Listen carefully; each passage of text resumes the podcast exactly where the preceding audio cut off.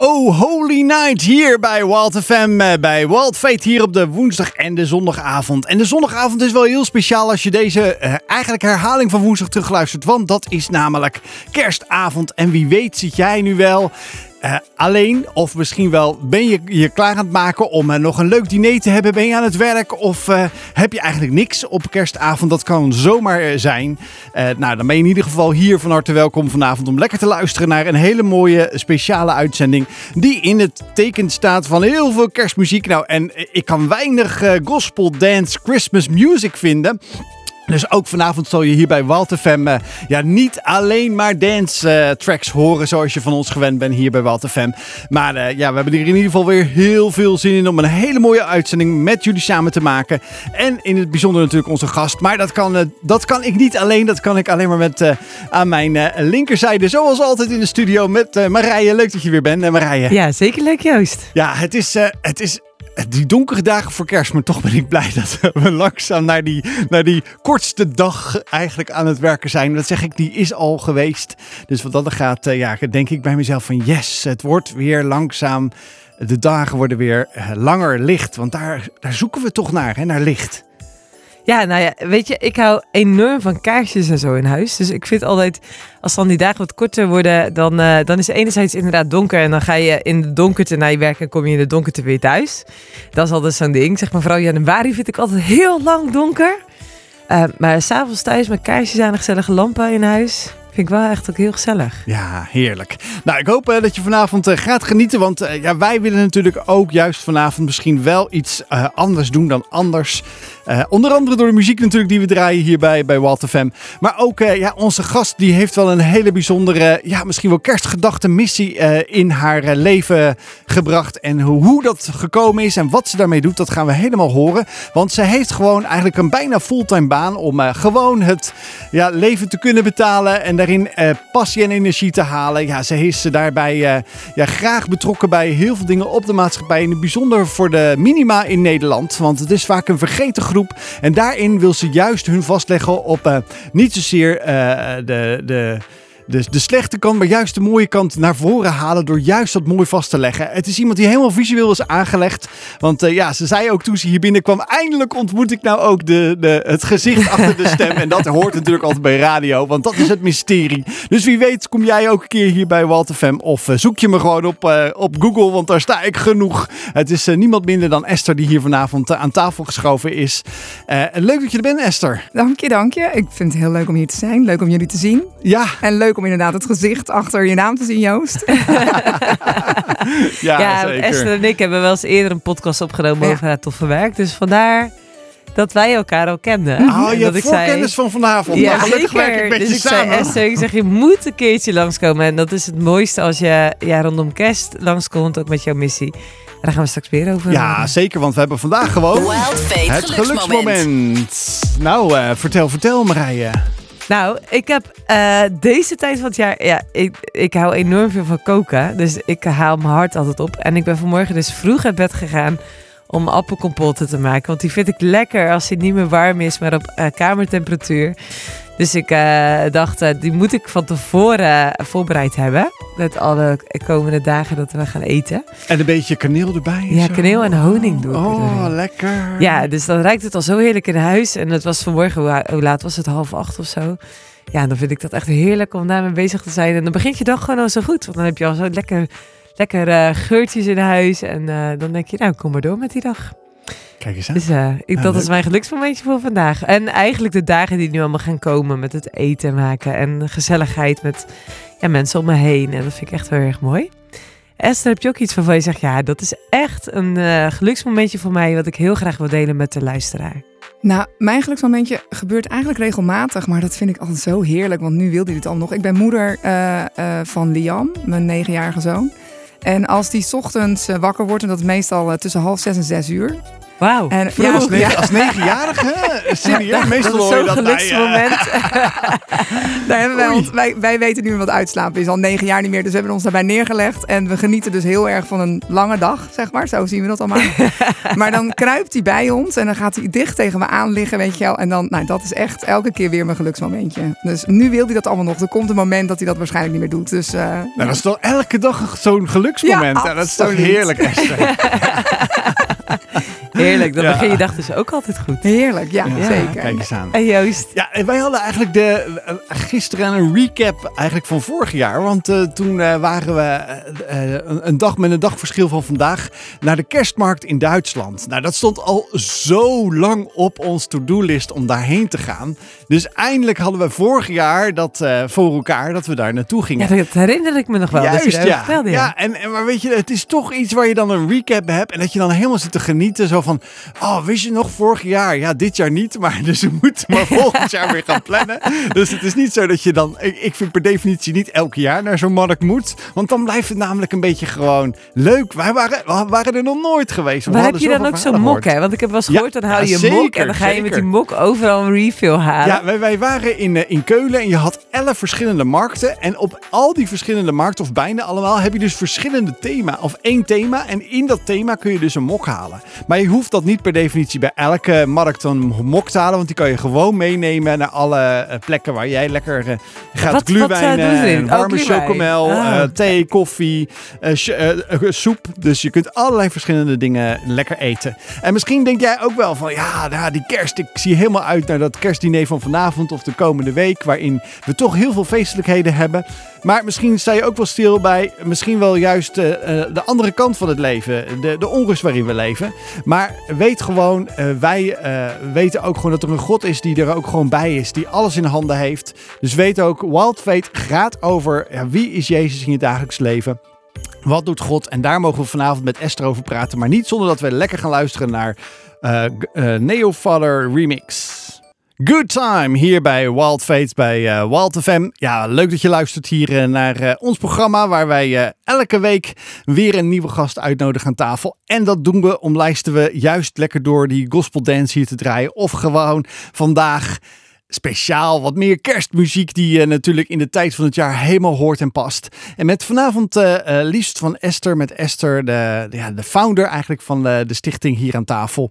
En ja, eh, één voordeel kan ik je geven, Esther. Ik als medefotograaf kan zeggen, eh, ja, als jouw zoon elke ochtend om zes uur wakker wordt, dan kan je namelijk altijd een golden hour uitkiezen. Zeker. Eh, want, eh, het ochtendlicht is, namelijk ze zeggen vaak, het avondlicht is zo mooi, uiteraard. Dat is Mhm. ook heel mooi, maar juist dat ochtendlicht is vaak wat onderbelicht. Ja. Letterlijk en figuurlijk. Nou, dan is het alleen maar mooi dat je vroeg mag opstaan. Of eh, Zeker. geniet je daar nou niet van met je Ja, fototoestel? ja, ja, zeker wel. Maar ik doe het de gezinnen niet aan, zeg maar, om om, eh, om zeven uur al voor mijn lens staan, zeg maar. Dus dat is meestal iets later. Maar, eh, Gelukkig. Maar ga je er wel zo vroeg op uit om foto's te gaan maken? Oh, dat is lang geleden hoor. Ja? Dat heb ik wel gedaan. Ik ben een keer, ehm, ik heb lang gefotografeerd met, de, met mijn buurman, zeg maar. Die, eh, dat doet het ook al heel wat jaren. En dan, eh, we zijn wel eens een keer om vijf uur 's ochtends weggegaan. Ja, ik Om- heb ook wel eens meegedaan aan zo'n shoot op de heide in Mhm. augustus. Met van die ochtendmist en dan de opkomende zon. Ja, dat is echt Ja, fantastisch hè? gewoon. Ja. Toen was het echt druk. Ik keek echt mijn ogen uit dat ik echt dacht, wow, zeg maar. Er zijn allemaal mensen die hebben dan apps om te kijken van, hé, wat, Mhm. wat, wat het doet het weer. die en heb is ik ook. mist. die heb ik Ja. ook. eh, Ja, echt er ging een wereld voor me open. Dat ik echt dacht, zo serious. Maar Ja. eh eh, vindt Liam het ook niet leuk? Want dat kan dus iets zijn dat je samen kunt gaan doen. 's ochtends vroeg gaan fotograferen en eh er samen op uit. Nou, je moet je voorstellen, Liam is opgegroeid met een moeder die altijd een camera in zijn gezicht duwt, zeg maar. Hè? Zo moet je het een beetje zien. Dus eh, die, die accepteert dat ik zoveel foto's van hem maak. Ehm, maar dat, dat vroeg naar weggaan, nee. Nee, want het kan natuurlijk zijn dat hij dan ook liefde krijgt om achter de camera te staan in plaats van voor nee, de camera. precies. Nou, hij vindt het wel heel. Hij voelt zich heel erg betrokken bij de stichting. En ehm, eh, dat vindt hij helemaal te gek om mee te helpen. Eh, omdat er ook allemaal acties nog voor, vanuit de stichting eh, voortkomen de laatste periode. Maar dat 's ochtends meegaan om shoots. Hij, wil wel, hij wilde wel een keertje helpen. Dus hij wilde een keertje assistent zijn. Dat is nog niet van gekomen. Maar dat had hij een keer aangegeven. Maar ik heb het geprobeerd op vakantie om een camera mee te geven. En dat. ja, hij is negen, weet je. Er zit een soort focus op van 10 minuten en dan heb je het al gehad. Dus, eh, Heerlijk. Hé, maar neem ons eens mee. Het verhaal van de stichting. Ehm, ik was al heel lang op zoek naar vrijwilligerswerk. En um, uh, al veel websites bezocht, gekeken bij ons in de gemeente. En um, uh, omdat ik vier dagen in de week werk en een gezin heb, wilde ik wel iets wat uh, daarin te passen was. Omdat ik vind dat als je je ergens bij aansluit, dat je je wel aan, daaraan moet committen, weet je. Dus dan moet je wel leveren als je een, een toezegging doet. En uh, dat moest dan toch in de weekenden vallen. En als je um, uh, ook een groot sociaal leven hebt, moet je op een gegeven moment gewoon helaas wel eens nee zeggen. En dat wilde ik dus niet, weet je. Dus, uh, en toen waren we op een gegeven moment um, op vakantie met z'n drietjes. En toen was ik daar weer over aan het nadenken. En ik merk altijd als ik in rust ben op vakantie, zeg maar, dan komen de beste ideeën altijd binnen. Um, en dat komt vooral omdat ik dan meer, veel meer opensta voor wat God inbrengt. Want dit is echt iets wat hij geleid heeft. En, um, Daar gaan we het straks toch even over hebben. Ja, zeker. En, uh, maar goed, toen kwam dus het idee op mijn hart van uh, om de fotografie, wat ik toen al een, een aantal jaren deed, om uh, dat om te zetten uh, in het weggeven van fotoshoots. Want ik bedacht me dat ik heb al een aantal keren fotoshoots uh, mogen ontvangen van, van professionele fotografen. En het is gewoon heel bijzonder om die foto's in je huis te hebben. En niet alleen maar omdat je gezin op die foto staat, maar ook het gevoel wat je erbij hebt. Dat moment wat er was met elkaar, wat het gewoon heel erg ontspannen en heel relaxed en heel leuk vooral altijd was. Uh, maar ook als je ziet hoe snel kinderen groot worden. Als ik zie hoe, hoeveel verschil er is tussen Liam die vier is en nu negen. Dat is gewoon heel bijzonder om dat vast te leggen. Uh, maar het is heel kostbaar en logisch, hè, want professionele fotografen steken daar een hoop werk in, veel uren, uh, materiaal ook, weet je wat ze daarvoor nodig hebben, wat gewoon heel duur is. Ja, want wat kost een fotoshoot een beetje? Um, ik denk nu um, dat je al snel naar 400, 500 euro gaat. En dan ja, heb en je... dan heb je acht foto's. Ja, ja, dat is ongeveer, weet je. En dat, en dat is toch een koopje hoor, ja. Uh, serieus. Ja, ja, absoluut, ja. En um, dus toen um, bedacht ik me van, nou weet je, ik gun dat ook gezinnen die dat niet kunnen betalen. En het is, zijn, en het is niet dat zij dat niet, want ze willen dat heel graag, maar ze kunnen werkelijk niet dingen ook, uh, geld ook wegzetten om dat, daarvoor te sparen. Dat geld is er gewoon niet. En toen dacht ik, goh, hoe kom ik dan bij die gezinnen? En toen heb ik gewoon eigenlijk mijn hele lijst met contacten, WhatsAppje gestuurd. En uh, van, goh, kennen jullie of zijn jullie een minima gezin? Ik wil dit en dit gaan doen. En toen kwam ik in contact met een vrouw uit Gorkum. Um, en die uh, uh, heeft mij in contact gebracht met de eerste minima gezinnen. En zo is het ontstaan. En zijn we ondertussen ruim twee jaar verder. En zijn er al veertig gezinnen voor mijn lens geweest. Wauw. Ja. Hey, en, en, en wat doe je dan? Hey, je zegt het is ook het momentum wat je uh, creëert. Ja. Um, is het ook echt dat je zegt, hey, ik, ik geef een, dan een shoot.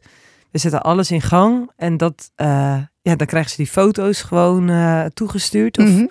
Hoe ga je in je werk?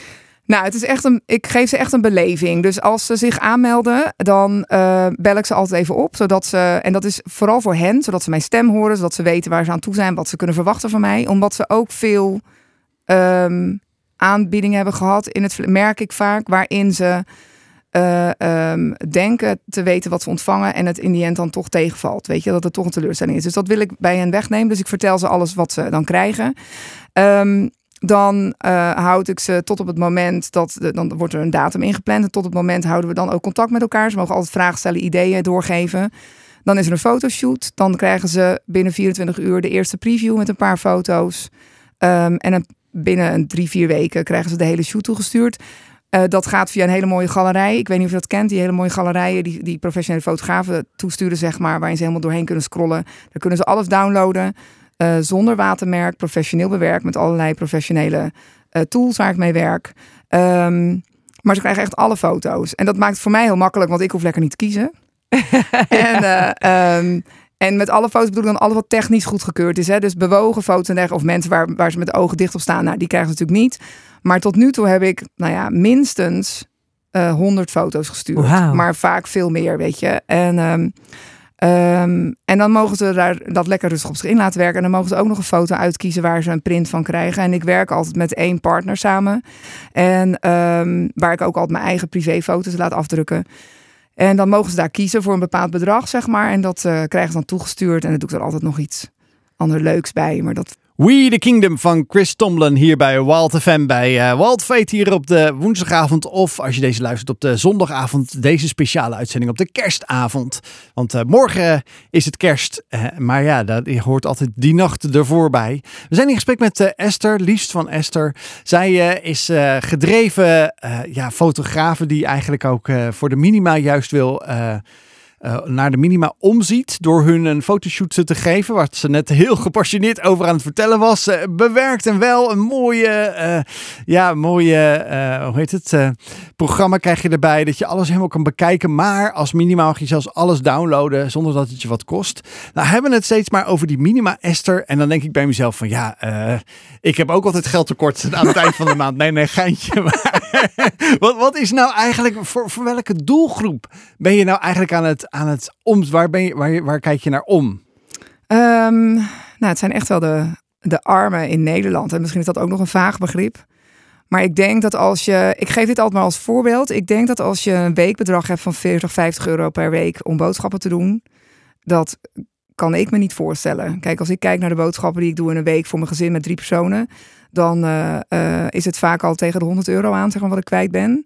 En um, deze gezinnen moeten uh, echt keuzes maken, weet je. Van, goh, ga ik voor um, eten voor mijn kinderen, brood voor mijn kinderen, of ga ik voor verzorgingsartikelen? En als je in die situatie bevindt, met bijstand bijvoorbeeld, met uitkeringen, uh, maar ook bijvoorbeeld ouderen met een klein pensioen, zeg maar, die op een gegeven moment uh, elk dubbeltje om moeten draaien, dat is voor mij minima. Kijk, minima is denk ik een officiële term die misschien anders uitgelegd wordt um, in onze maatschappij. Maar de gezinnen die ik, waar ik foto's voor maak, dat zijn um, uh, deze gezinnen, zeg maar. Die, uh... maar, maar los van, je hebt het nu over een bedrag. Zie je dat dan ook nog ergens anders terug in, in ja, ik noem het maar even een way of life? Of, of heb je dan opeens, ik denk ter minima, heb je dan uh, alleen maar een bank en, en, en, geen tv, zou ik maar zeggen? Want dat is nog steeds een beetje gek, al zou je zeggen. Dat is toch de eerste levensbehoefte bijna tegenwoordig? Ja, ik denk ook dat er, kijk, heel veel dingen worden ook gevraagd en gegeven. Ik ben ook lid, zeg maar, op social media van heel veel groepen waar minima gezinnen, zeg maar, ook bij elkaar komen om de spullen te vragen en te ontvangen. Uh, want er worden ook heel veel spullen dan weggegeven. En daar kunnen ze zich dan, dan ook weer op inschrijven, bijvoorbeeld. En um, ik denk dat heel veel minimagezinnen echt wel gewoon een, televisie hebben. En, uh, maar bijvoorbeeld zij zullen um, hebben echt moeite bijvoorbeeld met de, bijvoorbeeld deze periode, de kerstperiode, weet je wel, waar bijvoorbeeld ook wel gezinnen zijn die, die daar dat met cadeautjes vieren. Dat is voor hen bijvoorbeeld niet mogelijk. Die gaan bijvoorbeeld naar de speelgoedbank of um, mensen die natuurlijk in een echt heel minimaal inkomen zijn, gaan naar de uh, voedselbank hè, om daar voedsel te halen. En wat is de speelgoedbank? Is dat, kan je het daar krijgen of leen je daar speelgoed? Nee, daar kan je het krijgen. En daar word je, moet je wel je op inschrijven. Dus er wordt wel het een en ander natuurlijk gecheckt, weet je, voordat je daar ingeschreven kan worden. Um, en dan kun je daar dus voor Um, volgens mij een bepaald bedrag, dat weet ik niet helemaal zeker, maar dan kun je dus een, specifiek aantal speelgoed kan je dan mee, uh, meekrijgen. Is, is armoede in Nederland ook heel veel onzichtbaar? Ja. ja. Want je zegt hè, eigenlijk kan het dus aan de buitenkant zien, mensen hebben wel een tv, hebben wel gewoon dingen, ja. uh, maar kunnen tegelijkertijd dus ook heel moeilijk rondkomen. Um, hebben echt, hebben, uh, lijden echt tekort. Ja. ja, kunnen heel veel dingen ook niet. Maar moeten daadwerkelijk ook echt kiezen van hey, waar, ja, waar geef ik mijn geld dan wel aan uit? Ja, ik denk dat dat vooral komt omdat er heel veel schaamte is. En, um, en uh, ik was ook diegene die soms wel eens dacht, maar waarom heb je dan een huisdier? En nu weet ik dat bijvoorbeeld hè, een huisdier is, zo, is iets wat zo onvoorwaardelijk van je houdt en zoveel zachtheid met zich meebrengt. En dat hebben die mensen ook gewoon nodig, weet je. Um, met daarbij is ook waar staat je wieg, waar ben je geboren, wat heb je meegemaakt aan trauma's in je leven. Er zijn veel gezinnen die ik spreek die veel trauma's hebben meegemaakt uh, en daar nog van herstellende zijn. Maar goed. Uh, ja, ja, en ik denk ook dat veel mensen altijd zullen denken: hè, dat gaat mij nou echt hm. nooit overkomen. Ja. Terwijl als er dus wat dingetjes samenkomen, wat het dan ook is, dat je opeens ook uh, bij die groep kan horen waarvan je altijd dacht, ja, maar dat gaat mij nooit overkomen? Nou, ik denk dat de coronacrisis daar een goed voorbeeld van is geweest. Waarin natuurlijk heel veel ondernemers in één keer op een hele, aan de hele andere kant van uh, um, het muntje stonden, zeg maar. Ja. Weet je? Van, van, uh, maar ook, en ik, um, wij hadden het daar van de week bijvoorbeeld ook over, hè, dat ik op een gegeven moment zei, ja, weet je, als er iets met mijn man of kind gebeurt en daar is, ze worden ernstig ziek en er is een behandeling voor nodig, wat heel veel geld kost, wat hier in Nederland niet mogelijk is. en je moet tonnen neerleggen, zeg maar. Dat heb ik ook niet op mijn rekening staan. En dan kan het ook zijn dat ik mijn baan op moet zeggen omdat ik voor mijn kind moet zorgen. Dus ja, dus eh, binnen zo'nzelfde- no time zou je daar kunnen staan. Ja, Eh, dit, was dit was natuurlijk ook wel een eh, speerpunt in de Tweede Kamerverkiezingen. Hè? Van, eh, van ja, noem het maar eventjes, eh, wat was het ook weer? Ehm, ik zit even te denken, wat was dat, dat speerpunt? Dat ze zeggen, eigenlijk iedereen moet kunnen leven, eh, een normaal leven kunnen leven. Hè? Zonder dat je eigenlijk echt bang hoeft te zijn. En wat is een normaal leven? Ik denk in ieder geval dat je niet hoeft te denken, ik moet van 40 euro le- leven per week, maar kan voor 100 euro leven. Ja. Nog even een vraagje over die, die huisdieren, Esther. Worden die eh, ook nog wel eens expliciet gevraagd om die eh, in het gezin bij de foto te betrekken? Of zelfs misschien alleen met een kind eh, of met eh, eh, familielid eh, te fotograferen? ja, zeker. Ik heb toevallig recent een eh, alleenstaande vrouw met haar hulphond gefotografeerd. Eh, zij was... eh, ehm, eh, en zij is autistisch en heeft dus haar hond als hulphond, zeg maar. en die wilde heel graag met, met haar maatje op de foto. Dus dat was, en dat heb ik wel vaker hoor, dat er honden meekomen, zeg maar. Dat is superleuk. Ja, en dat maakt natuurlijk het wel weer aantrekkelijk of leuk voor fotograaf om daar weer leuke composities en, en, plekjes voor te zoeken om dat Ja, aantrekkelijk te maken. Ja. Ja, en ehm, nog een andere vraag eigenlijk over van, we hebben het net over nog steeds over die minima. Mhm. Ehm, eh, wat doe je als mensen dan zeggen van ja, ik kan het misschien wel net betalen, maar toch zit ik wel op die rand van die minima. Eh, zeg je dan van nou, ik, ik heb daar toch wel mijn grens? Of bekijk je dat per situatie? Nou, het grappige is, er, er wordt heel vaak eh, de, de vraag gesteld: eh, hoe weet je nou zeker dat het minimagezinnen zijn? En dat is niet de vraag die jij stelt, hè, maar dat is een beetje een, in, in verlenging daar, daaraan. Ehm, mensen die zich opgeven, dat gaat vaak via de social media kanalen, zeg maar. Ik zet dan gewoon een oproep één keer per half jaar en daar mogen, kunnen mensen op reageren. En ehm, wat ik merk is dat het echt minimagezinnen zijn die reageren, omdat ze echt wel heel goed doorhebben dat zij onder die groep vallen. En ik heb ook wel eens de vraag gehad van wat is nou als het nou iemand is die daar misbruik van wil maken. En eh, het toch wat je zegt wel kan betalen, maar aan de rand zit. Kijk, als je het wel kan betalen, dan ik denk niet dat je je dan opgeeft, omdat je je niet voelt onder die minimagezinnen. Ehm ben je nou iemand die denkt, nou weet je, ik ga er gewoon niks over vertellen, want ik ga er niet naar vragen. Ik vraag geen bewijsstukken, je hoeft mij niet te overtuigen dat je een minimagezin bent. En dan zeg ik altijd, mocht dat nou gebeuren, wat nog niet gebeurd is, Ehm, dan is die verantwoordelijkheid voor die persoon zelf. Ik heb gewoon weer lekker een ochtend mogen fotograferen. En ik vind het heerlijk om dit te mogen doen. En degene die dus misbruik heeft gemaakt, die moet dat voor de rest van haar of zijn leven met zich meedragen, niet ik. Dus dat, daar ben ik heel relaxed in. Denk ik, ja, dat is dan wat het is. Maar tot nu toe heb ik geen enkel gevoel gehad dat ik iemand voor mijn lens heb gehad die misbruik heeft gemaakt van eh, ehm, wat de stichting geeft. Elevation Worship hier met eh Walt FM en niemand minder dan eh, natuurlijk eh, Walt hier eh, samen met elkaar. Goodness of God. Lekker luisteren, lekker genieten van de allerbeste gospel dance hier op deze zender. Vanavond zijn we in gesprek met Esther en ja, je zei net eventjes gauw tijdens de muziek een hele leuke uitspraak die ik gelijk eventjes wil herhalen. Zoveel mogelijk minima in het licht zetten. Dat is natuurlijk je missie als, als stichting, als individu nu. En wie weet hoe dat nog meer gaat groeien. Daar kunnen we nog meer over praten vanavond. Maar wat mij eigenlijk nog eh, triggerde eigenlijk, Esther, hoe ben je eigenlijk zover gekomen? Ben je professioneel fotograaf? Heb je dit als eh, beroep geleerd ooit? Of ben je er gewoon eigenlijk ingerold? Ik ben er eigenlijk ingerold. Jaren, jaren, jaren geleden een keer een fotocamera gekocht, niks mee gedaan, automatische stand. En op een gegeven moment ehm, eh, een vriendin zien fotograferen. En ik dacht, oh, dat is echt wel heel tof. En toen ben ik een cursus gaan doen. Ehm, eh, waarin ik eindelijk van die automatische stand afging. Want eh, eh, ik hoorde net, Joost, dat jij zelf ook fotografeert. Nou, automatische stand, automatische stand kan natuurlijk niet, weet je. Dat is dan, dan, dan toch? Nee, nee. Nou, nou er, zijn, maar er zijn echt serieus wel momenten dat ook de fotograaf, Nee, de professional, in automatische stand draait. Want er zijn momenten dat je niet, niet tijd hebt om alles Nee, in te klopt. stellen. Dat Ja. klopt. Maar ik maakte echt alles in automatische stand. En Ja. dus het is echt heel erg te gek om je camera te leren kennen. En, eh, Eh, Dat- en wie- dan wie- heb wie je weet- over wie weet- ISO ja, en ja, dat maar wie weet is er iemand wel thuis die heeft zo'n camera liggen in zijn eh, la, maar die heeft ge- geen idee wat die P en die S en die N Nee. nou betekent. En die denkt alleen dat groene knopje. Ja, dat, is, dat is go, weet je wel. Dat is toch zo? Ja, ik dat ben is ook de zo go. iemand door Joost. Ja, dat is misschien wel een mooie reden om het nieuwe jaar Ja. eens over na te denken. eh, over die camera te leren kennen. Maar, maar even, ja, toen, maar die vriendin, die was wel een fotograaf professioneel, of niet? Zeker, ja. En die heeft ook een hele professionele eh, of een officiële opleiding, fotografieopleiding gedaan. En, en toen dacht ik, oh, dat is leuk, maar gewoon echt voor de hobby, weet je. Ik dacht, nou, ik wil wat meer uit die camera halen. En daar is eigenlijk gegroeid, eh, uitgegroeid. Ik ben geen ehm, beroepsfotograaf. Eh, ik heb gewoon een vierdaagse werkweek bij een bedrijf in Den Bosch als office manager. En fotografie doe ik ernaast. En dat heb ik eerst heel lang als hobby gedaan.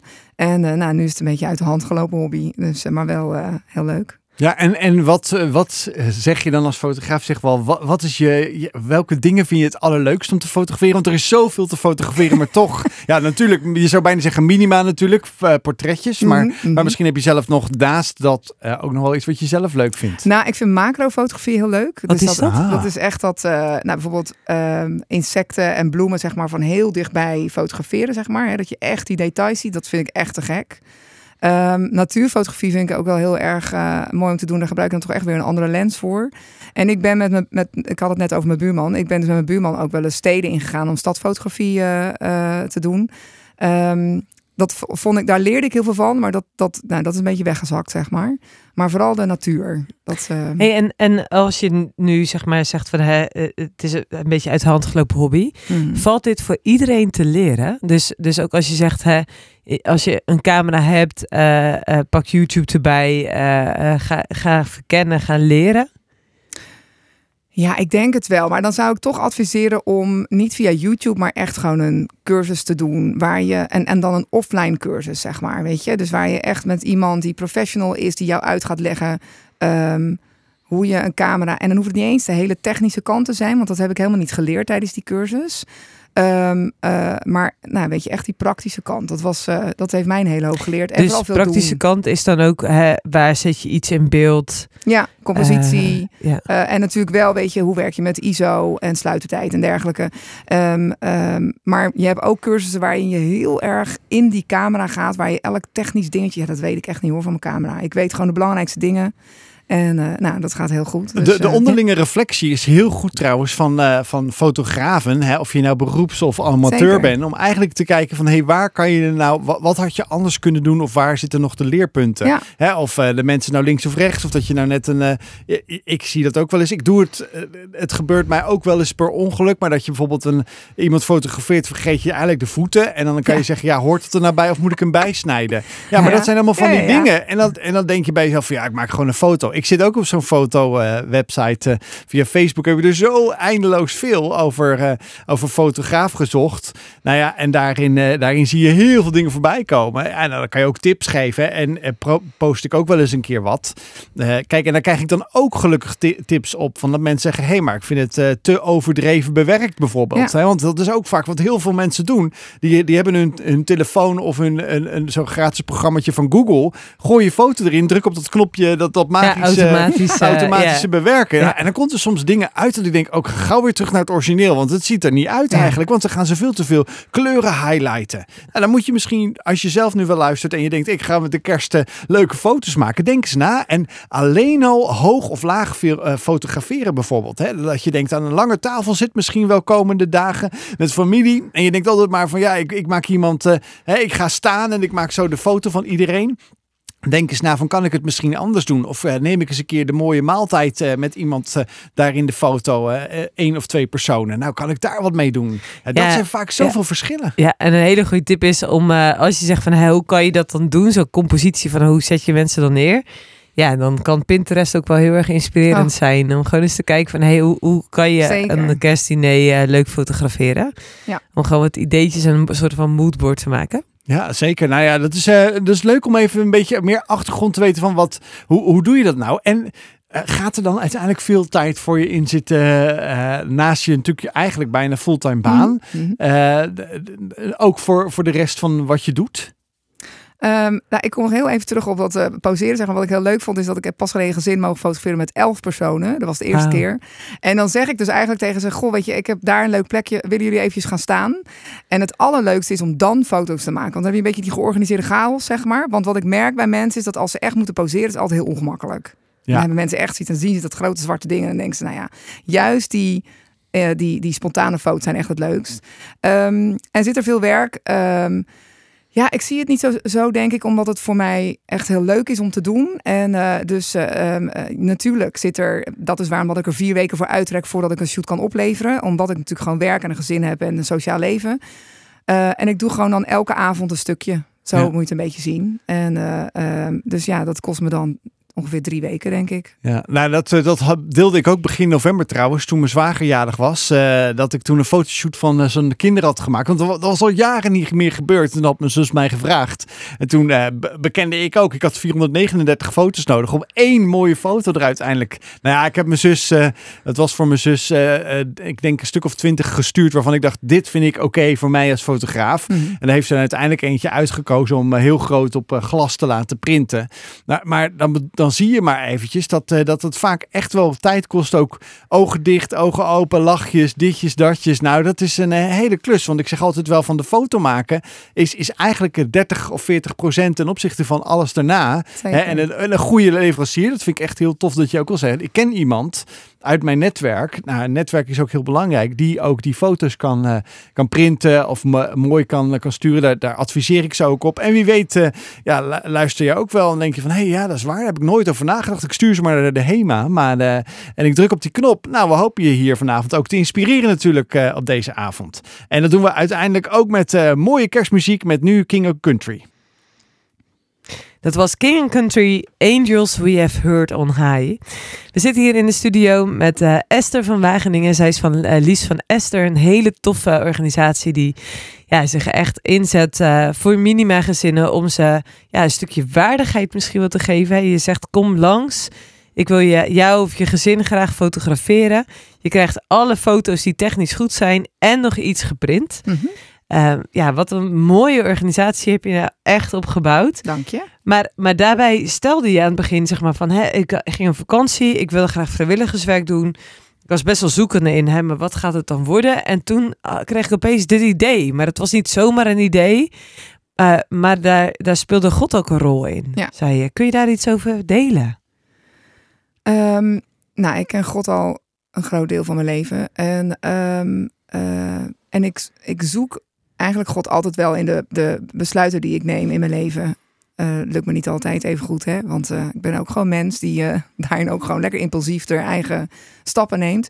Maar in dit heb ik dat wel echt heel erg bij, bij God neergelegd. En hoe doe je dat? In gebed. En, dan, dan ga je een soort van met God praten. Ja. Hey, ik, heer, ik wil iets doen. Ja, ik heb letterlijk tegen God gezegd: Ik wil heel graag iets teruggeven aan de maatschappij, want we hebben het heel erg goed. We zijn gezegend. U heeft ons gezegend met een, eh, een gezond gezin en een, eh, twee gezonde salarissen. We kunnen op vakantie. Hè? Ehm, ehm, en ik wil graag daarvanuit iets teruggeven vanuit de zegeningen die wij hebben ontvangen. Eh, alleen ik weet niet hoe, want ik wil ook graag dat het past bij ehm, ons gezin. En ik geloof ook dat dat de God is waar wij mee wandelen. Dat het een God is die ook ons geeft wat we aankunnen. En, en toen gaf hij dat op mijn hart. En dat is een hartsgevoel. Dat is niet een bulderende stem die tegen me zegt... nou Esther, dit ga jij nu eens even doen. Nee, dit is gewoon een hartsgevoel. ja, en, eh, en wat betekent dat? Dat je een soort van dat idee kreeg en een soort van wist of zo van dit is het? Of een stukje passie, zeg ja, maar. Wat nou, dat. Ja, die, die klik zeg maar van, oh ja, dit gaat het worden. Ja, dit voelt aan alle kanten goed. En ehm, Was spannend. Heel spannend. Ja. Maar ook wel vol vertrouwen merk ik, merkte ik. En dat heb ik echt niet altijd hoor. Want ik vind heel veel dingen eh, heb ik spannend gevonden. En dat ik het spannend vond tot op het moment dat ik die stap zette. Maar in dit geval voelde ik zoveel vertrouwen dat ik dacht, ja, dit gaan we doen. Maar dat is natuurlijk ook wel omdat je al best wel wat jaren fotografeert. Dus je ook al een beetje weet wat je kan. Maar het spannende was vooral van, ja, weet je, wat, wat geef ik nou eigenlijk weg? Is dit wel iets wat men, waar mensen überhaupt zitten te wachten? En wat is de reactie die je Ja. krijgt? Echt zo, ze zijn zo dankbaar. En eh, het is wat je zegt, weet je. Jij kwam daar eerder dit jaar ook mee van, ja, weet je, geeft een stukje eigenwaarde terug. En daar had ik eigenlijk nooit zo over nagedacht. Maar dat is absoluut wel wat het is. En, uh, want ik heb best een aantal alleenstaande moeders bijvoorbeeld voor mijn lens gehad. die zo minderwaardig over zichzelf dachten. En dan laat ik tussendoor tijdens de shoot wel eens even een paar foto's zien, zeg maar, kijk eens. En dan kijken ze en dan zeggen ze, oh wauw. En dan zeg ik, ja, dat ben jij hè? En dan had ik nog niks gedaan en geen filter, niks, niks bewerkt, weet je wel. En dan zijn ze gewoon verbaasd over zichzelf, weet je, wat ze zien. Ja, dan denk ik, wauw, als je dat toch mag geven, weet je. Ja, ja dat is echt, denk ik een van de mooiste dingen. Hè? Je geeft ook echt iets uh, weg, echt iets heel erg moois. Ja. Iets wat mensen echt niet kunnen betalen of wat echt buiten hun reach is, omdat ze ja, simpelweg gewoon daar geen financiële ruimte voor hebben als minima gezin. Ja. Hey, wil je nu meer weten over het werk van uh, Esther? Uh, daar kun je meer over vinden.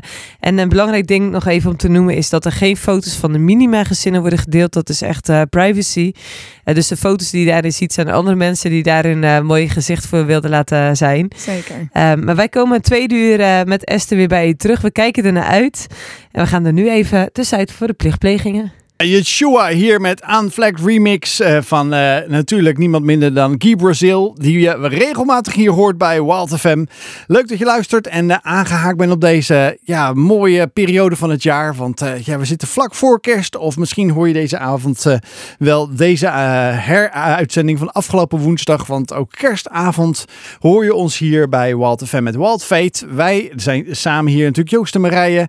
Met altijd een leuke gast die we ja, gewoon eigenlijk vragen van uh, wat doe je nou, wat houdt je bezig en wie is eigenlijk Jezus in je dagelijkse leven of in je, misschien ook wel in je bedrijf of in wat je doet. Nou, daar hebben we vanavond Esther voor uh, in de uitzending. En ja, zij zei zelf al heel tof in het eerste uur wat haar drive is om foto's te maken, fotoshoots te doen van de minima gezinnen. En uh, ja, daarin uh, uh, waarom ze dat precies doet. En wat haar drijf is. Waarom ze daarmee gestart is. Wat ze, waarom ze dat doet nog steeds naast haar baan. Ze heeft een stichting opgericht. Liefst van Esther daarin.nl. Daar kun je eigenlijk alle informatie vinden die je vanavond ook hoort over haar. Zij fotografeert dus echt die minima. maar ze zegt uiteindelijk, ik, als ik dus met de mensen spreek. dat ze uiteindelijk ook gewoon een, een contactmomentje is om hun, ja, om misschien ook wel een stukje van hun leven. Van hun hart te delen.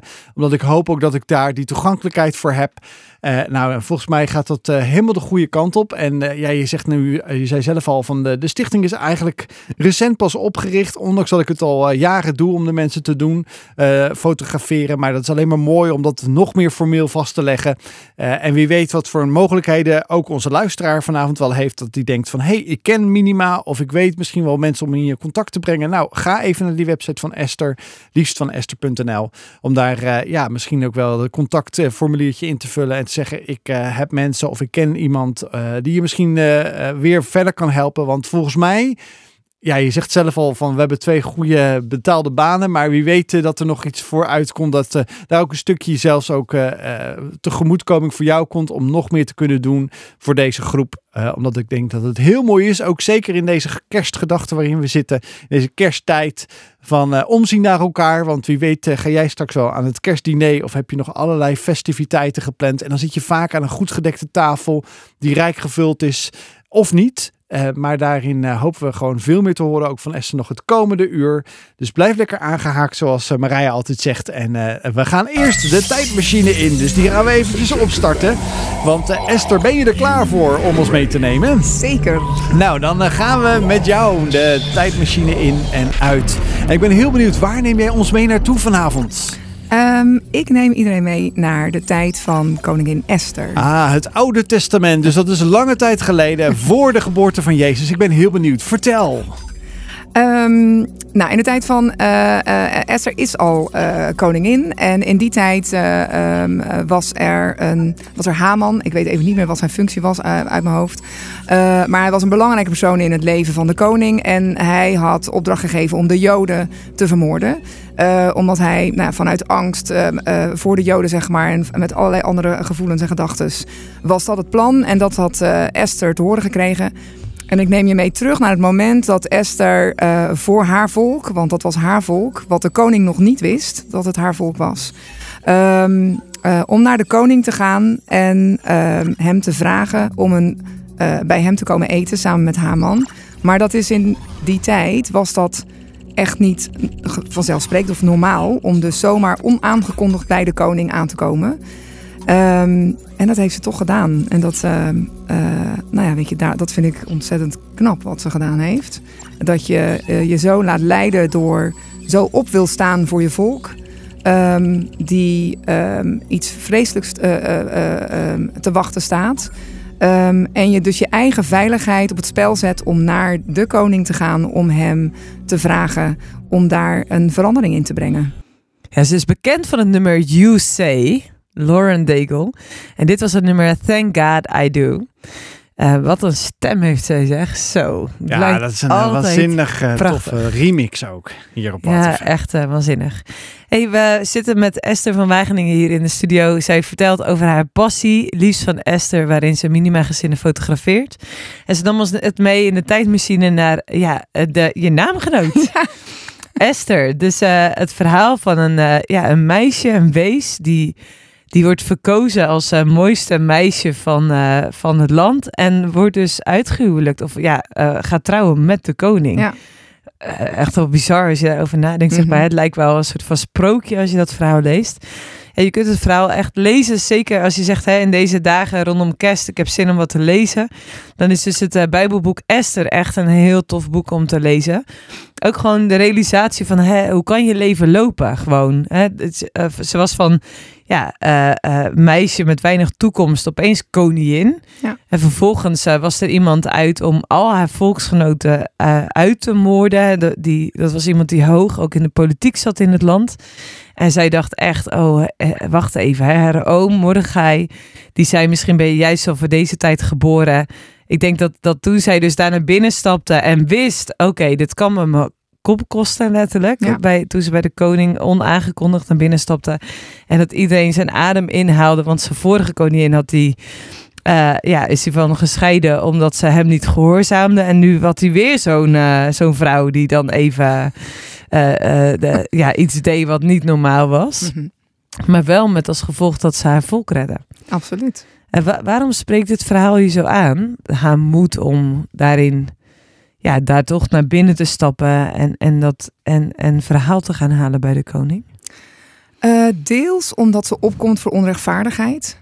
En eh, dat vind ik echt zo krachtig om in dat boek te lezen. Ehm, en ook omdat het gevoelsmatig ook aansluit wat we met de stichting ook doen. Ehm, ehm, wat deels ook een gevoel van onrechtvaardig is. Dat er mensen zijn in ons land die zo leven, eh, zo moeten leven. Eh, en dat we daarvoor mogen opstaan door ze. En dan lijkt het maar iets kleins, maar het is echt zoiets groots. Heb ik gemerkt ondertussen na ruim twee jaar dat je dus voor ze opstaat. Dat je, en dat ik ook een stem mag zijn voor ze, merk ik. Ehm, eh, dat ik mag vertellen over hen. Dat het niet is wat we zien aan de oppervlakte, maar dat er veel meer achter zit dan wat we in eerste instantie zien. Maar vooral haar moed. Dat ze gewoon durft op te staan, ondanks dat ze weet. En dat is in mijn geval natuurlijk echt niet het geval. Hè? Ik bedoel, het wordt niet mijn dood als ik opsta voor een minimagezin. Maar voor haar had het gewoon haar dood kunnen betekenen. En, ehm, en dat heeft ze gewoon gedaan. En dat, dat spreekt me enorm aan. Ja, is echt wel, eh, het is echt wel een meid die dus echt dacht, ik, nu of nooit. Ja. Ja. Eh, En jij ervaarde toen ook hè, dat je zei, ik voelde gewoon heel diep in mijn hart dat ik dit moest gaan doen. Ja. Dat dit het vrijwilligerswerk was waar ik eigenlijk al langer naar zocht. Eh, eh, waarbij je ook net stelde, en dat vond ik ook wel heel treffend, van hè, eigenlijk had ik eerst ook wel een oordeel over mensen die, hè, of in ieder geval een beeld van mensen die dus binnen de minima gezinnen vallen. Ja. Wat, wat is hetgene, hè, je zegt ik deel geen foto's en geen verhalen van mensen, maar wat zijn de dingen die daarin raken? Of wat zie je als je in gesprek bent met dit soort mensen? Gewoon zonder hè, de verhalen van mensen open en bloot te gooien, maar gewoon wat, er, wat raakt je in hun verhalen? Ehm, de eenzaamheid, de schaamte die ze voelen, ehm, de trauma's die ze hebben door moeten maken. Ehm, Wat voor trauma's bedoel je dan? Nou, er zijn veel alleenstaande moeders die ik voor mijn lens krijg. En eh, ik zeg dat regelmatig ook tegen mijn man van... eh, goh, weet je, je zou het maar alleen moeten doen. En dan helemaal alleen met alle geldzorgen. En vaak wat je ook ziet in, in minimagezinnen... is dat het niet alleen maar geldzorgen zijn, maar ook gezondheidszorgen. Dat het vaak kinderen zijn met, zoals we dat in Nederland noemen, hè, rugzakjes. Ehm, eh, en al die zorgen komen dan bij, me- bij elkaar. En dan wordt het een cirkel waar je bijna niet uit kan komen, denk ik. Of waar je, waar je het uitzicht niet meer in ziet. Ja, dus eigenlijk ben je aan het overleven in Ja. plaats van dat je kunt leven. Ja, absoluut. Absoluut. Dat is precies zoals het is. En als je dan, eh, wat ik net ook zei, van eh, ik heb dan altijd een kennismakingsgesprek. En het telefonisch, dat doe ik echt voor hen, zodat ze mijn stem horen, zodat ze, want ze leggen een vertrouwen in mij terwijl ze me nog nooit ontmoet hebben. En dat vind ik heel bijzonder en helemaal niet vanzelfsprekend. Ja, het is ook kwetsbaar om eh, 100%. achter de camera te staan. Of voor de camera Ja. te staan. Absoluut. En dat is sowieso voor mensen die niet in de minima situatie. Ik vind het ook kwetsbaar om voor een camera te staan. Ehm, eh, maar voor hen is het nog kwetsbaarder omdat ze ook een hele verhaal meenemen. Omdat de reden dat ze voor mijn camera staan is een andere reden dan als ik voor iemands camera sta. En dan vertellen, en niet allemaal hè, maar ik denk van alle 40 gezinnen die ik nu gesproken heb, zijn er denk ik twee of drie gezinnen geweest die gewoon even niet wilden praten over een situatie. En dat snap ik ook heel goed. Maar eigenlijk de rest allemaal wel. Want ze willen ook gewoon even praten met iemand die objectief is. Die even geen relatie met hen heeft. En dan krijg je heel veel verhalen te horen. En ik zeg het wel eens. Ehm, ik zei het van het weekend ook tegen, tegen mijn man. Eh, ik moet echt niet meer dan drie verhalen op een dag horen. Want het is echt intens. Weet je, het zijn echt wel heftige verhalen die je hoort. En dat zien we allemaal niet van buitenaf. Dat gebeurde allemaal achter die voordeur. En eh, dus trauma's vanuit het verleden, pleegzorg, nou ja, noem het.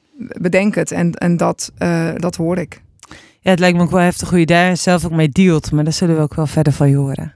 Oh Holy Night hier bij Wild FM eh, met Wild Fate. Ja, dat is wat anders dan de gospel dance die je vaak hoort hier eh, bij Wild Fate. Eh, op Wild FM natuurlijk. Maar het is ook de kersttijd. En dat is ook de tijd van misschien wel dat je denkt van de cadeautjes, de kerstboom. Maar wat is eigenlijk kerst? Weet ik het nog wel? Weet ik nog wel?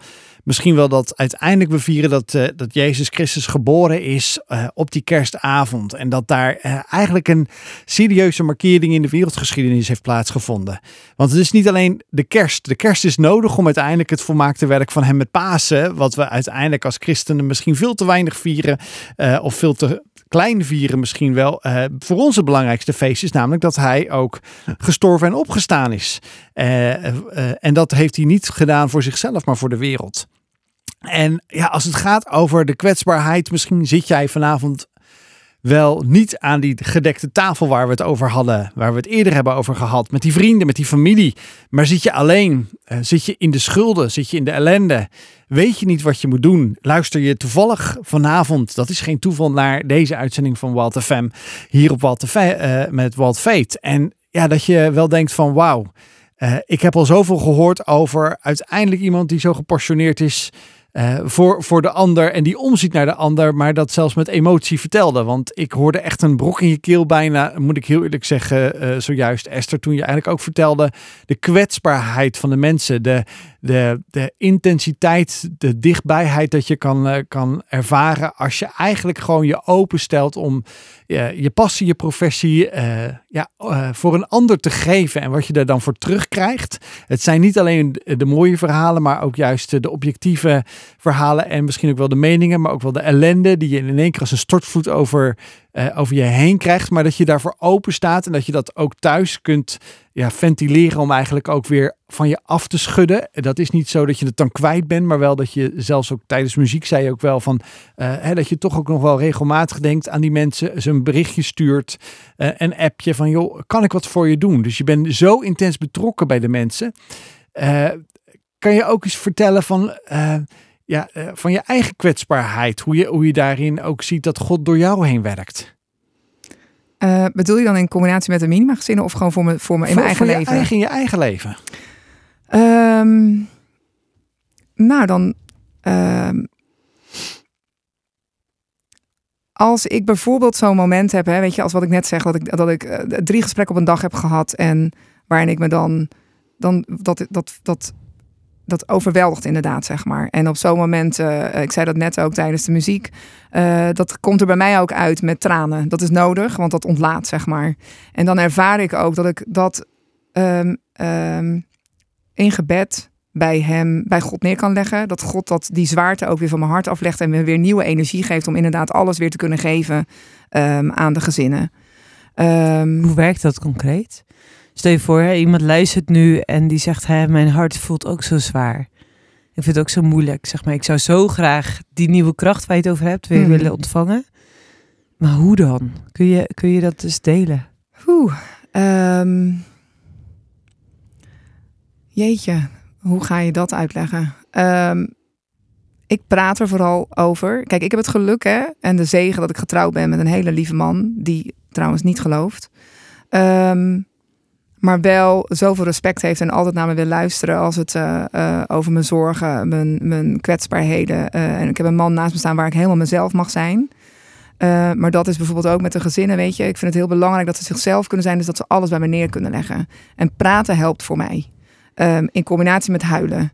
En um, ik Doe je dat dan ook met God? Als je zegt van, ik mag dan alles bij hem brengen, zeg ja. maar. Ga je dan ook met God praten, gewoon dat wat je bezighoudt, uh, misschien ook wel dat je dan moet huilen of dat je wat voor emoties dat er dan ook in je leven dat ook kan, kan delen met hem, zeg maar dat je dat zegt hij dat geeft hem ook weer nieuwe kracht of hoe hoe werkt dat?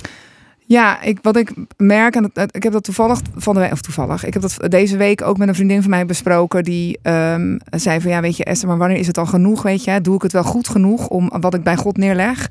En ik denk dat we soms veel te groot en meeslepend dingen bij God willen neerleggen. God is, um, God maakt het simpel voor ons. Dus als je de woorden niet hebt, is. Um, ik heb ook wel eens de woorden niet. En dan is het, oh Heer, help me. En dat is dan het enige. En uh, het hoeven niet allemaal dure, grootse woorden te zijn. Het mogen gewoon simpele gesprekken zijn. Um, en ik kan me voorstellen dat het soms lastig, dat zie ik bij Liam bijvoorbeeld ook, hè, mijn zoontje. Um, uh, die groeit op met het besef dat God bestaat. Hè, die leert wat van mij. Maar vindt het soms heel lastig om dus tegen God te praten, want hij ziet hem niet. Dus dat maakt het een beetje. En dat brengt bij mij het besef van, oh ja, hoe ga ik hem dat uitleggen? En dat is stapje voor stapje. En wat ik dan doe met hem bijvoorbeeld is, oké, ik ga je helpen, zeg me maar na. En zo ga je dat stapje voor stapje leren. Als je alleen bent, um, dan, um, ik leerde pas geleden iets.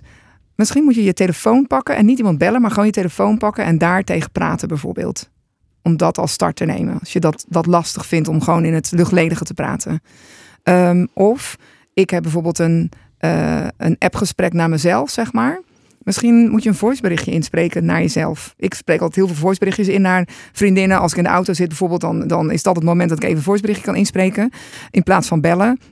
Misschien is dat een tip, zeg maar, om een voiceberichtje naar jezelf in te spreken met de gedachtegang. Dit zeg ik nu tegen God. Ik vind het wel een heel mooi uh, idee, heel creatief. De, de, want ik, ik denk dat veel mensen vergeten, uh, misschien heb je het nooit ontdekt, maar je kan je eigen WhatsApp-nummer gewoon naar jezelf doen. En dan kan je ja. gewoon terugluisteren op, op gedachten, op, op een reflex op dat moment. Ja.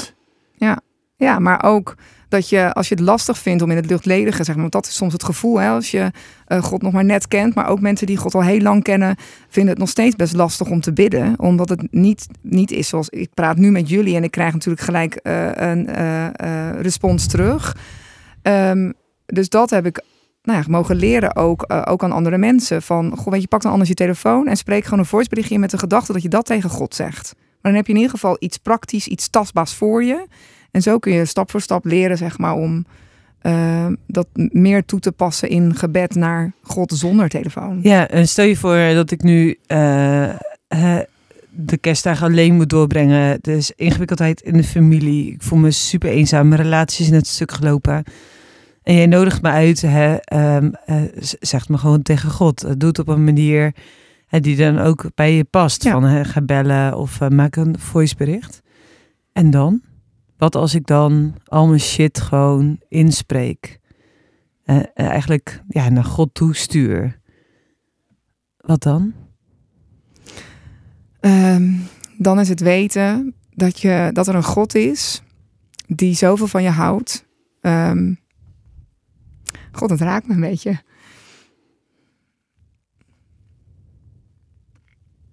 Dan mag je weten dat je geliefd bent. En dat je niet alleen bent. Dat is onze God. Een hele liefdevolle vader. En als jij nou diegene bent die het lastig vindt om die liefdevolle vader te omarmen. Uh, deze liefdevolle vader is niet als de mensen op deze aarde. Um, dit is een vader die zoveel liefde in zich heeft, wat niet te voor te stellen is, waar we niet bij kunnen hoeveel liefde dat is, die zo geduldig met je is, die zo elke stap met jou wil nemen zoals hij die voor ogen heeft voor jou. Niet wat andere mensen zeggen, maar wat voor jou ehm, klaar ligt. Ehm, maar het is vooral die liefde. Je bent uniek gemaakt en God maakt geen fouten. Dus God heeft elk stukje in jou zo bijzonder gemaakt. En ehm, eh, dat, is, dat is echt wat hij wil weten, dat je, dat je zo bent. Our God is an Awesome God van eh, een remix van Michael W. Smith hier op uh, Wild FM met onze Wild Fate uitzending.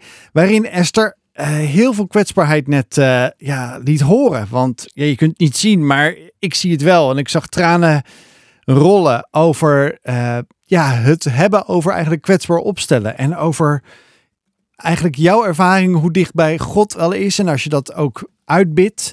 Of misschien ook wel denkt nu van, uh, ja, ik hoor het al zo vaak en ik ben misschien wel iemand die wel luistert, maar het helemaal niet, uh, ja, niet, niet door of niet, niet weet wat er nou gebeurt met me. En eigenlijk dat je zegt, dat hoeft maar een paar woorden te zijn. Maar in deze tijd waarin misschien jij ook wel vanavond zit alleen, dat je helemaal niet die uh, mooie dagen voor de boeg hebt van de komende twee. Hè, van de eerste en de tweede kerstdag met oud en nieuw. En dat is vaak ook zo'n moment waar je veel met mensen kunt optrekken. Maar dan, dat je denkt, ik heb die niet. Ik ben eenzaam. Ik ben echt eenzaam. Ik zit alleen. Ik heb niemand. Ik heb niemand die naar me omziet. Nou, weet dan in ieder geval wel dat God weet dat je deze pijn hebt in je hart. Niet alleen in je hoofd, maar in je hart. Want het is een hartspijn. En dat Esther eigenlijk heel erg deelde van, ik zie het zoveel om me heen. En wat moet ik doen? Waar moet ik starten? En dat is misschien wel een vraag aan jou, Esther, als je, als je eh, eh, niet zozeer eenzaam bent, maar hoe kunnen wij omzien naar de mensen die eenzaam zijn? Hoe kunnen we daar als medemens misschien wel mee starten?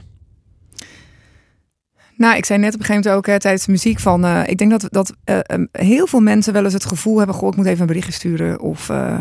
Hoe zou het eigenlijk met die zijn? Of, maar dat we door drukte of door andere omstandigheden daar heel snel aan voorbij gaan. Dus mocht je dat gevoel eens een keer hebben, weet je, neem die actie ook. Stuur eens inderdaad het berichtje. Of stuur eens een kaartje. Mijn liefste staan is echt kaartjes sturen. Dus hè, stuur eens een keer een kaartje naar iemand. Bel diegene gewoon even op.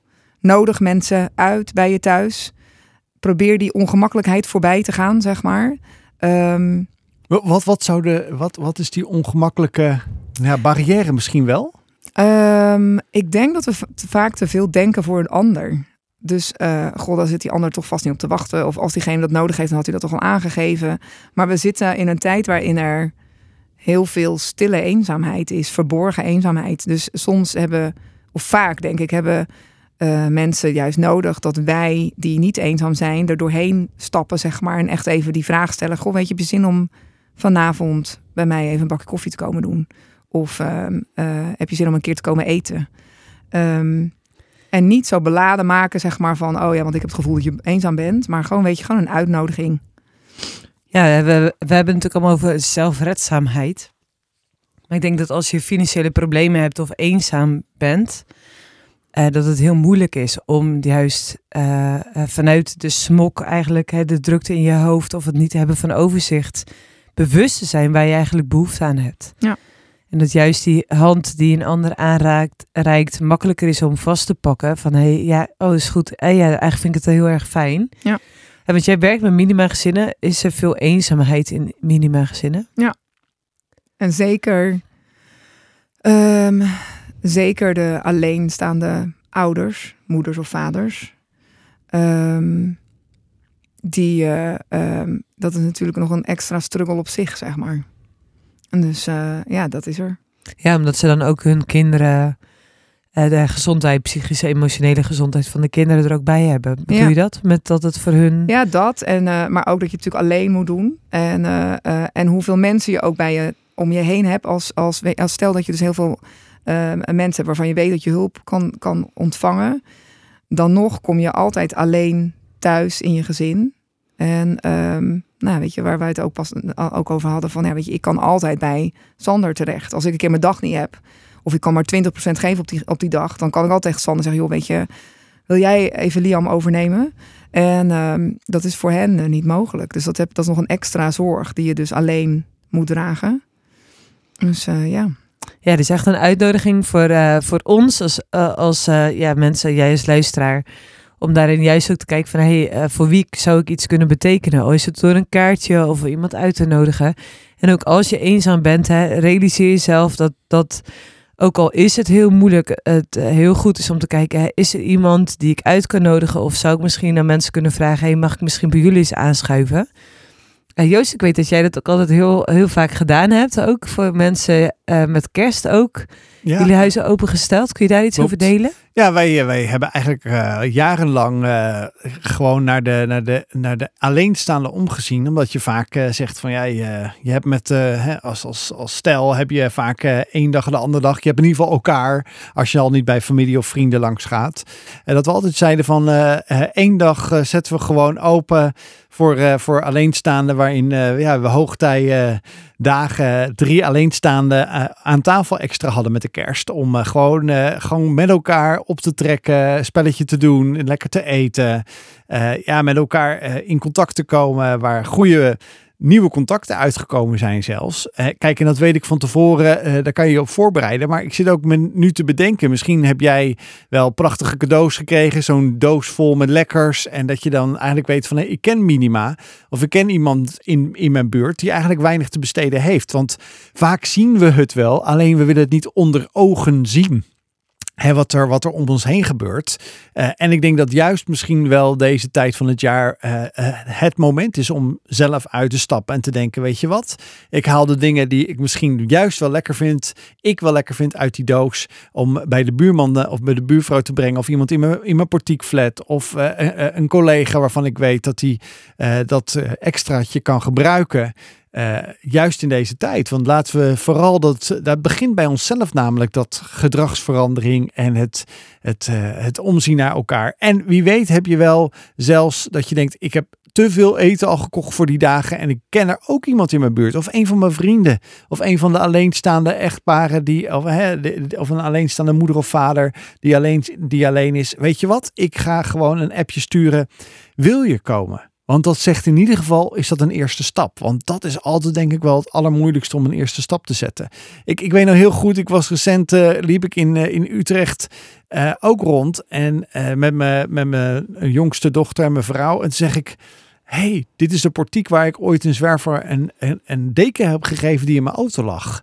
Die, die, die, die, die heb ik gegeven. En toen dacht ik bij mezelf van, ik heb mezelf zo door, de, door, door mijn hoofd laten gaan. Ja, maar wat als ik nou langs de weg kom te staan en ik heb het koud? Toen dacht ik, ik heb een jas en ik heb uh, de ANWB. Dus joh, hoe lang zou ik daar... En thuis nog tien andere kleden die ja, je ook weer in de auto juist, kan leggen. Uh, juist, en waarom zou ik dan daar moeilijk over gaan doen? En dat heeft me zoveel gewoon, uh, ja, zullen zeggen, opluchting gegeven. Dat ik denk, hey, gewoon gegeven en gewoon een mooie dag van gemaakt voor de ander. En laat het zijn dat je misschien ook juist in deze tijd naar de ander een goede en een perfecte dag te geeft. Dat was LZ7 met de remix van Perfect Day. Echt een perfecte dag. Nou, we zijn uh, nu, uh, ja, bij, welkom bij Wild Fate hier op uh, Wild FM. We zijn al een beetje aan het einde van ons twee uur durende interview met Esther. Nou, zeker enerverend. Tof om, je, om haar passie zo te horen. maar ja, we zitten rondom de dagen van kerst. En ik ben eigenlijk wel benieuwd, Esther, heb je nog plannen met kerst? Um, ja, dat, staat eigenlijk bij ons altijd elk jaar weer in teken van familie. Dus uh, eerste kerstdag uh, bij mijn ouders, tweede kerstdag bij mijn schoonouders. En, de kerstavond? De kerstnachtdienst. Uh, oh, kijk. Wat, wat, wat is dat eigenlijk, een kerstnachtdienst? Um, nou, daarmee dat is het samenkomen bij, in de kerk. En sinds kort ben ik lid van de gemeente Sion in Gorkum. En um, nou ja, dat is een kerst dienst die gehouden wordt ter, de, ter start van de kerstperiode. Er wordt het kerstverhaal verteld. En, um, ja, eigenlijk dus... echt een dienst dat als je zegt, ik wil meer weten over kerst of gewoon echt ergens soort van thuiskomen bij een plek waar uh, dat wat je ook zei van uh, God houdt enorm veel van je. Uh, dat, dat, is eigenlijk de boodschap ook van kerst, hè? Dat, dat God zelf ook naar de aarde kwam om zich ja, te kunnen verbinden ook met jou. Ja. Dat is ook echt wel heel erg bijzonder. En is het, zeg maar, naast dat het kerstverhaal daar wordt verteld, ook uh, ja, echt een plek waar veel kerstliederen of zo gezongen worden? Is er ook veel muziek? Ja, zeker.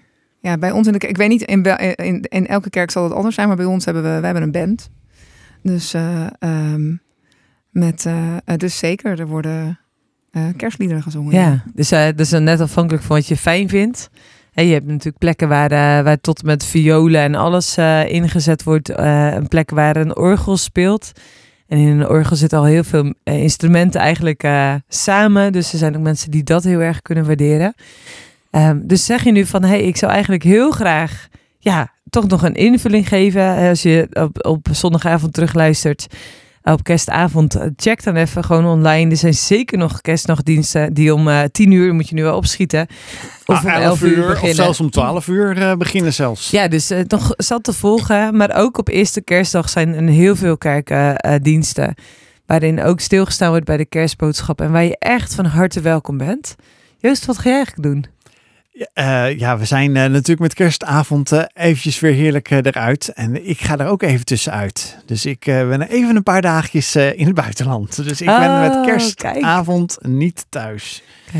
Ja, dus, maar dat, maakt, dat maakt het niet uit. Want ja, we kijken wel weer om naar die mensen. En dat doen we dus eigenlijk dit jaar met de oud en nieuw. Want we gaan met een alleenstaande moeder met haar kinderen een aantal dagen lekker eventjes uitwaaien aan de kust. Oh, wow. Dus dat is nog een weekje verder. Maar ja, dat is in ieder geval weer dat omzien naar elkaar. En dat is misschien ook wel juist een hele mooie oproep geweest van vanavond. Maar wat ga jij doen vanavond? Of eigenlijk de komende dagen? Maar ja, en het geboortedorp waar ik ben geboren, en dat is Bleskensgraaf of All Ergens ten oosten van Rotterdam in de polder.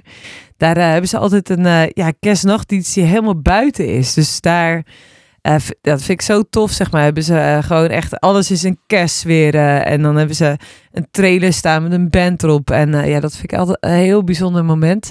Dat je gewoon echt. Uh, dus ik hoop altijd op mooi weer. Dat is natuurlijk altijd spannend. Van, hè, want die, die, die witte kerst zoeken, hè, altijd. ja, ja, daar hou ik enorm van. En, uh, en uh, ja, verder zijn we, hebben zeg maar ja, tijd voor familie. En ja, wij hebben ook de gewoonte om op de ochtend van eerste kerstdag ook naar de, naar de kerk te gaan. En ik vind dat heel erg fijn. Want het is echt een moment, eigenlijk een rustpunt, een eikpunt van hey, wat vind ik nou echt belangrijk in het leven ja, je kunt dagenlang vol heel veel eten maar, uh, en gezellig, uh, gezelligheid hebben.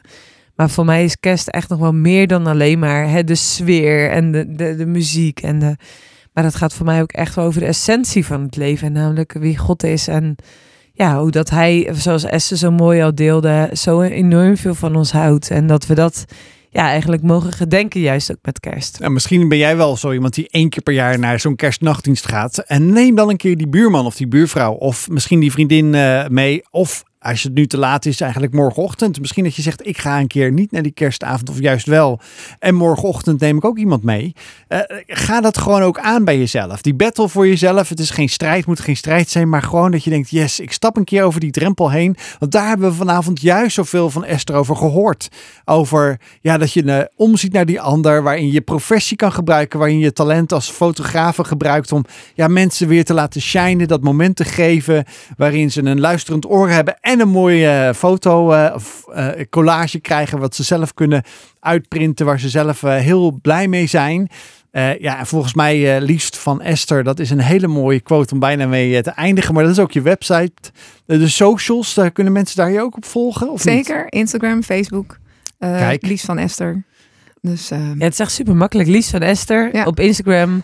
Facebook of lief, liefsvanester.nl. Voor meer informatie kunnen mensen zich ook aanmelden via de website als ze zeggen hè, eh, voor mezelf of voor iemand een gezin of iemand die ze kennen dat ze zeggen hè, dit zou eigenlijk heel mooi zijn om, uh, om uh, hun ook ja, dit ook aan hun te kunnen geven. Zeker, er is een kopje contact en daar kun je van alles opgeven. Dus ook als je wil meedraaien of meedragen, zeg maar, dan kan het ook via dat uh, formulier. Ja, dus financieel betrokken zijn bij de zicht. Ja, maar ook anders. Als je een actie wil doen voor minimagezinnen, kan dat ook via die, uh, dat contactformulier.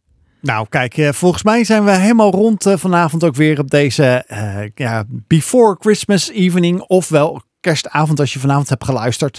En ik hoop ook dat je we ja, een stukje licht en hoop hebt meegekregen vanavond uh, vanuit onze uitzending Wild Fate hier op Wild FM. Wij zijn altijd dankbaar dat we hier mogen zijn. En uh, ik denk dat we met elkaar, zoals we hier in de studio zitten, ja, jou een hele mooie, goede. Gezegende. En dat houdt eigenlijk in is dat je het allergoeds toewensen uh, met deze dagen. En ook als je ja, misschien wel ver weg bent van ja, alle mensen om je heen, omdat je alleen bent. Weet dat God naar je omziet en God houdt van jou zoals je bent. Dankjewel dat je hier was, Esther, vanavond.